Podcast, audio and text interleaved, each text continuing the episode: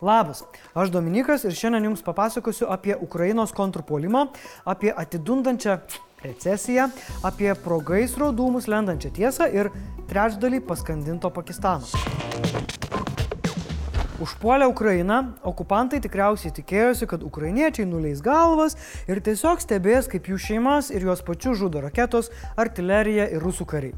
Tik realybė visai kitokia. Ukrainos prezidentas Zelenskis pareiškė, kad jei Rusijos kariuomenė nori likti gyva, jai jau pats laikas bėgti atgal namo.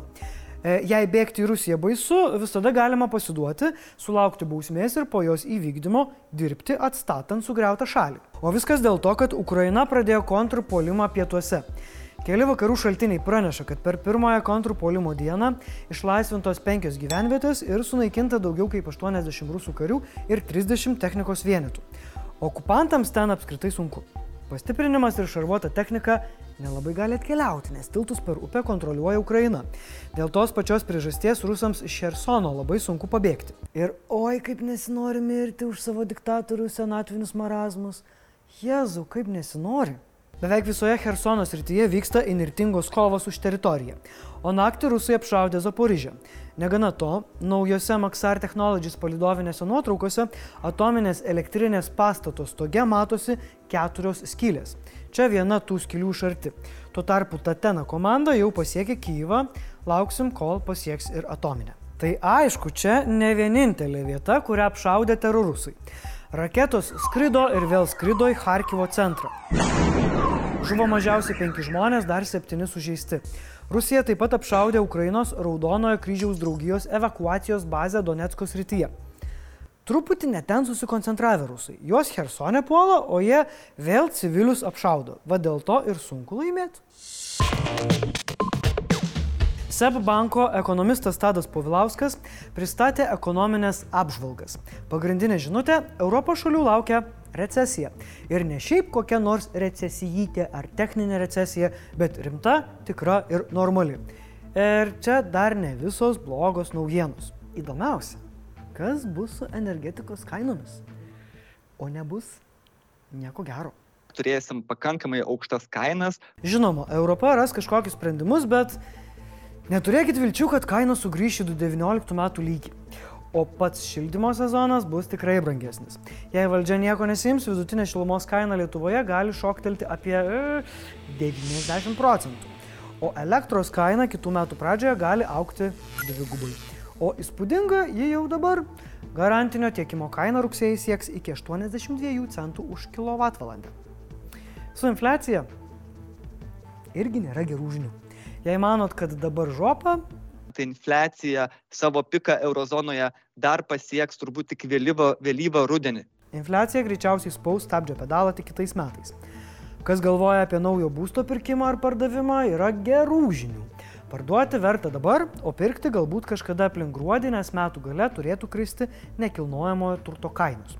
Anot SEP ekonomisto, smagu, kad augo darbo užmokestis. Tačiau kas iš to, jei kainos augo dar labiau? Darbuotojai, kurie niršta, kad vidutinis darbo užmokesčio augimas yra mažesnis nei infliacija, geresnių naujienų gali sulaukti tik kitų metų trečią ketvirtį. Rezimuojant, I would say not great, but not so terrible. No? Praėjusį ketvirtadienį Palemono atliekų įmonėje Žalvaris įsiplėskė nemenkas gaisras. Jo metu plėškėjo pavojingos atliekos. Išdegė apie 10 tūkstančių kvadratinių metrų įmonės teritorijos, o liepsnas gesino 10 automobilinių cisternų ir 40 ugnigesių gelbėtojų. Prasisklaidžius dūmams pradeda aiškėti labai įdomios detalės. Šiandien Žalvario vadovas dalyvavo Seimo aplinkos apsaugos komiteto posėdėje, kur pristatė gaisro situaciją bei tolimesnius veiksmus. O situacija yra tokia. Liko dvi dienos ir nepavojingų atliekų sandėlis bus galutinai sutvarkytas. Baigiamas tvarkyti ir pavojingų atliekų sandėlis. Išvežtos net 84 tonos susmilkusių atliekų. Įmonės direktorius dievagojasi, kad gavo labai brangę pamoką. Be to, sakosi savo lėšomis niekieno neverčiamas darysantis visokių naujų saugumo dalykų. Tačiau, kaip jau minėjau, aiškėja ir kitų detalių. Kaip teigia aplinkos apsaugos departamento direktorius, nors dar tyrimas nepasibaigė, jau dabar matosi tiek sistemos, tiek pačios įmonės padarytų klaidų. Be to, ne į viską, ką sako įmonės vadovas, reikia žiūrėti aklai pasitikint. Įmonė gruodį buvo bausta, o ir šiuo atveju gali sulaukti pastabų. Kita problema - gaisro gesinimui panaudotas vanduo. Ne visas jis susigėrė į gruntą. Dalis pateko į upelį, kuris pateko į mūsų upių tėvą Nemuną. Tad, kol dar nėra galutinio tyrimo rezultatų, gal pristabdykit su to žuvelių gaudimu ir pliuškenimusi. Ok, ok. Tai, kokį lietų Lietuvoje matėte šiandien, yra tik juokai palyginus su liūtimis jau trečią mėnesį skalaujančiomis Pakistaną. Beveik trečdalis šalies yra po vandeniu. Virš tūkstančio žmonių jau žuvo, dar pusantro tūkstančio sužeisti. Pusę milijono pakistaniečių neteko savo namų, verslų ir derliaus. Nors su musoninėmis liūtimis Pakistanas susiduria kasmet, šiemet iškritusių kritulių kiekis yra rekordinis. Pakistano klimato kaitos ministrė Sherry Reman situaciją šalyje apibūdino vienu dideliu vandenynu. Tuo tarpu jungtinių tautų vadovas katastrofą įvardino kaip The Pakistani people are facing a monsoon on steroids. Nors lyti nustoja prieš kelias dienas ir vandens lygis po truputį mažėja, nubėgdamas jis atveria didžiulę šaliai padarytą žalą. Tokių stiprių kritulių kaltininkas - klimato kaita. Pasak Reman, katastrofa puikiai parodo, kaip už didžiųjų valstybių daromą žalą mokėti turi vargingesnės ir mažiau teršiančios valstybės. Į pagalbą nukentėjusiems pasitelkta mažiausiai 6,5 tūkstančio karių, kariniai lėktuvai, sraigtasparniai, sunkvežimiai ir valtis. Nemaža dalis žmonių skundžiasi dar nesulaukia pagalbos. Žala įvertinama mažiausiai 10 milijardų dolerių. Perspėjama, kad musoninės liūtis sugrįž ir rugsėjai. Išgirdę šią naujieną, jūs oficialiai nebetenkate teisės skūstis lietuviškų orų. Niekada. Blitz naujienos. Per tarptautinę operaciją išaiškinta lietuvių, lenkų ir ukrainiečių suburta grupuotė. Nusikalstama grupuotė kontrabandą gabeno narkotikus įvairiose šalise ir užsiemė nelegalią tabako produkcijos gamybą.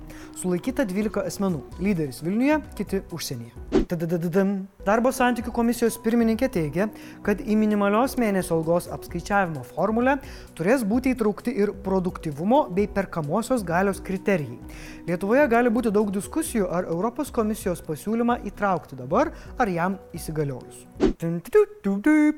Mes invirtingai ruošiamės naujajam Laisvės TV sezonui, kuris startuos jau rugsėjo 7 dieną su 7-uoju laikykitės ten sezonu. O renginyje jūsų lauks ypatingas svečias - šiuolaikinės komedijos krikštatėvis, aktorius, scenaristas ir produceris John Cleese. Absoliučią humoro legendą puikiai pažįsta komikų trupės Monty Python gerbėjai. Ir sudalyvaukite ne tik laikykitės ten sezono atidarėme rugsėjo 7 dieną kultūros barakablys, bet nepraleiskit progos ir gyvai pamatyti Oscarui nominuotos legendos Klys pasirodymo Last Time to See Me Before I Die ir rugsėjo 8 dieną kompensa koncertų salėje. Šiandien vidury dienos įvyko krūpus pagrobimas.